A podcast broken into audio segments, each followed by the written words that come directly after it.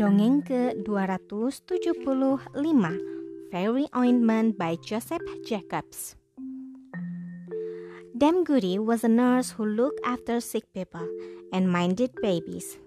One night, she woke up at midnight, and when she went downstairs, she saw a strange little old fellow who asked her to come to his wife, who was too ill to mind her baby. Although Dame Goody didn't like the look of the old fellow, she decided that business is business. So she popped on her things and went down to him. And when she got down to him, he whisked her up onto a large coal black horse with fiery eyes that stood at door, and soon they were going at a rare pace, Dame Goody holding on to the old fellow like grim death. They rode and they rode, till at last they stopped before a cottage door. There they got down and went in, and found the good woman in bed with the children playing about, and the baby, a fine bouncing boy, beside her.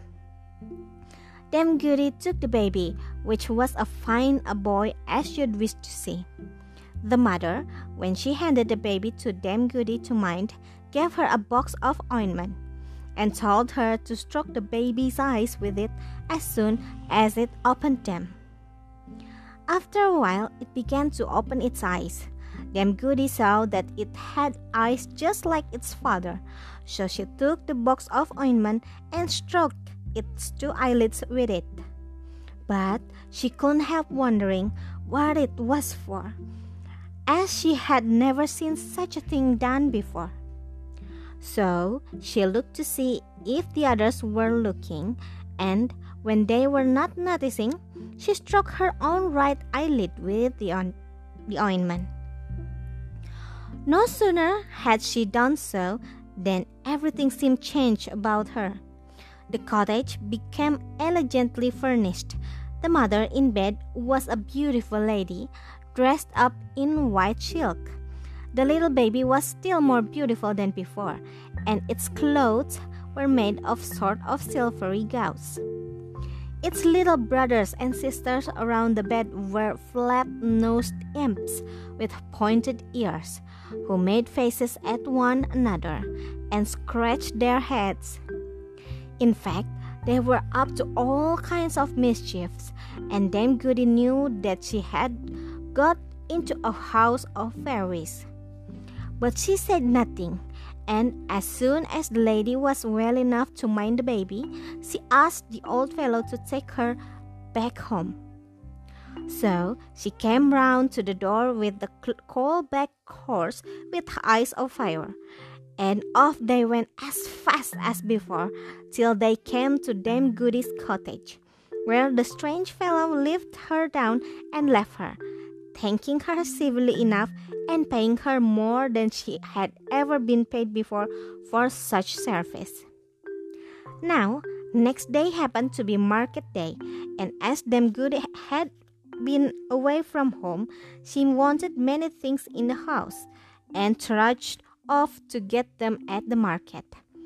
As she was buying the things she wanted, who should she see but this strange fellow who had taken her on the coal black horse? And what do you think he was doing?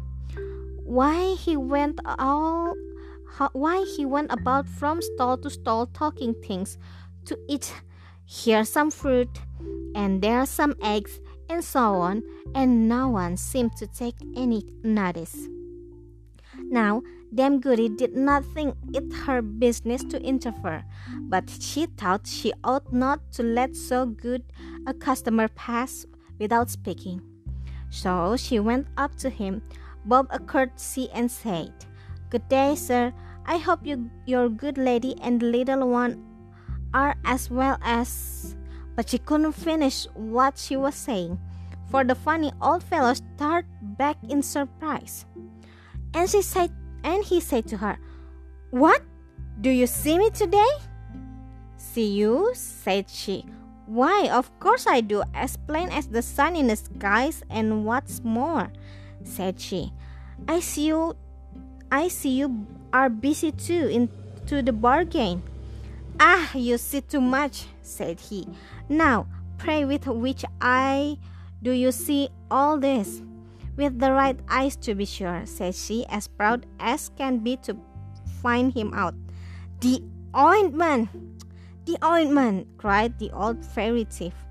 Take that for meddling with what don't concern you.